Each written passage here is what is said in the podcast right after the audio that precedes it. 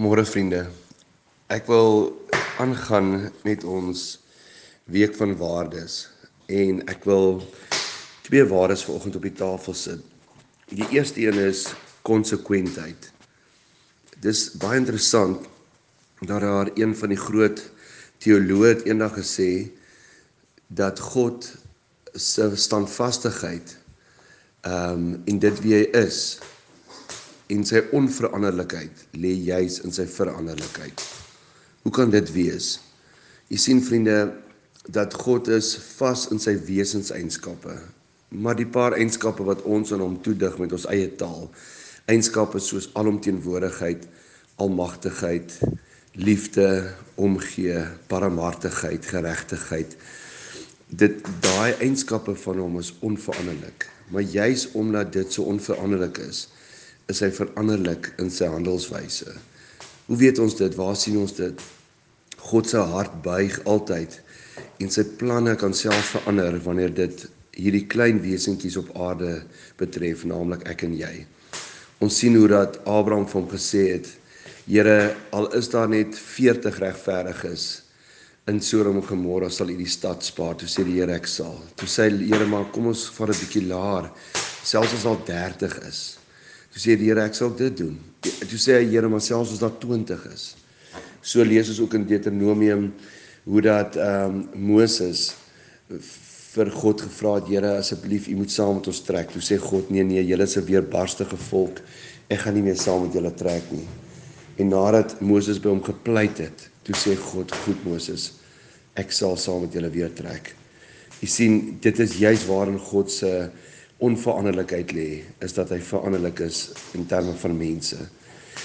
Vriende, ek en jy moet onveranderlik wees in ons eienskappe soos liefde, omgee, barmhartigheid, lankmoedigheid, hardwerkendheid. Ons mag nooit ophou met daai goed nie. Ons moet konsekwent wees.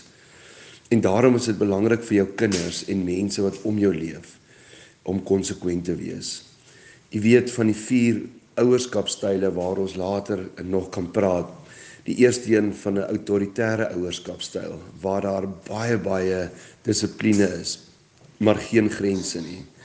Of 'n toelatende ouerskapstyl waar daar weer baie baie vryheid is, maar geen grense nie. Of die beste van hulle almal naamlik 'n deelnemende ouerskapstyl waar jou kinders kan deelneem saam met jou wanneer ons oor die reëls van die huis praat is die slegste een van die vier is 'n inkonsekwente leierskapstyl. Dis wanneer jy soms autoritair is en soms toelatend is. Vriende, ons maak mense en die wêreld om ons te mekaar as ons nie konsekwent is nie.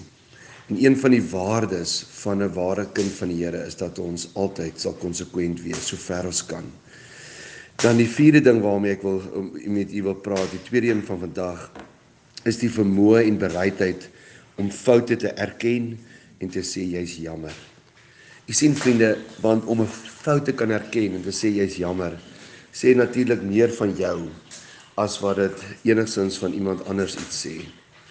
Want jy sien vriende, mense wat nie kan foute erken en kan sê dat hulle jammer is nie, is mense wat gewoonlik meerendeels 'n lae eie waarde het. Want die ou stukkie binne in hulle wat nou so klein is met hulle eie waarde, word nou met 'n pyl geskiet en hulle moet nou sê dat hulle is jammer, hulle het iets verkeerd gedoen en nou wissel hulle totale eie waarde uit. Maar vriende, wanneer jy groot eie waarde het, is soos soos wanneer mens met 'n pyl in jou skiet. Daar's nog baie eie waarde oor. Maar jy bou jou eie waarde op daai oomblik net nog groter as jy kan sê ek is jammer. Ek kan foute maak. Ek is nie perfek nie. Ek gaan probeer beter doen. Hoekom? Want deur eers die foute erken kan jy gaan en dit gaan herstel en dit beter maak. Want ons herstel nie goed en ons maak nie goed reg as ons nie eers erken het dat ons foute maak nie. En mag ek en jy so groot wees dat ons klein genoeg kan wees om te kan sê ek is jammer ek het 'n fout gemaak vergewe vir my. Vriende en mag ek en jy elke dag konsekwent wees in hierdie manier waarop ons leef